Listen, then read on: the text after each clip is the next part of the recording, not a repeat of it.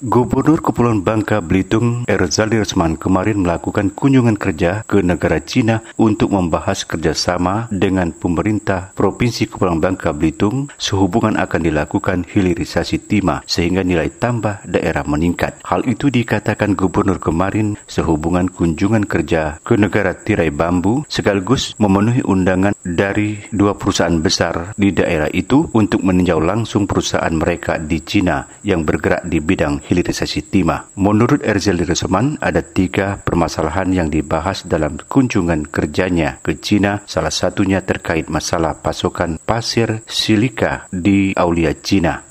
Pembangunan kawasan industri Sadai dalam waktu dekat terrealisasi dan kontrak kerja akan dilaksanakan di kawasan industri Sadai Bangka Selatan. Penandatanganan MOU nanti akan dilakukan antara PT Ration Bangka Abadi dan PT Bumi Bangka Belitung Sejahtera sebagai BUMD Bangka Belitung dengan Sinsi Energy Class sebagai investornya dilaksanakan di Nanjing, China. Erzaldi Rosman berharap setelah MOU dan kontrak kerja antara pemerintah Provinsi Kepulauan Bangka Belitung dengan Senji Energy Class dan Sinomek untuk kawasan industri Sadai Bangka Selatan tentunya diharapkan oleh Gubernur Bangka Belitung memberikan banyak efek terhadap perekonomian di Bangka Belitung salah satunya adalah menyerap tenaga lokal lebih banyak. Kunjungan kerja Gubernur Bangka Belitung ke Cina selama tiga hari sudah mendapatkan izin dari Menteri Dalam Negeri karena menyangkut akan dilakukan kerjasama antar negara tersebut. Hasan Aim dari Pangkal Pinang melaporkan.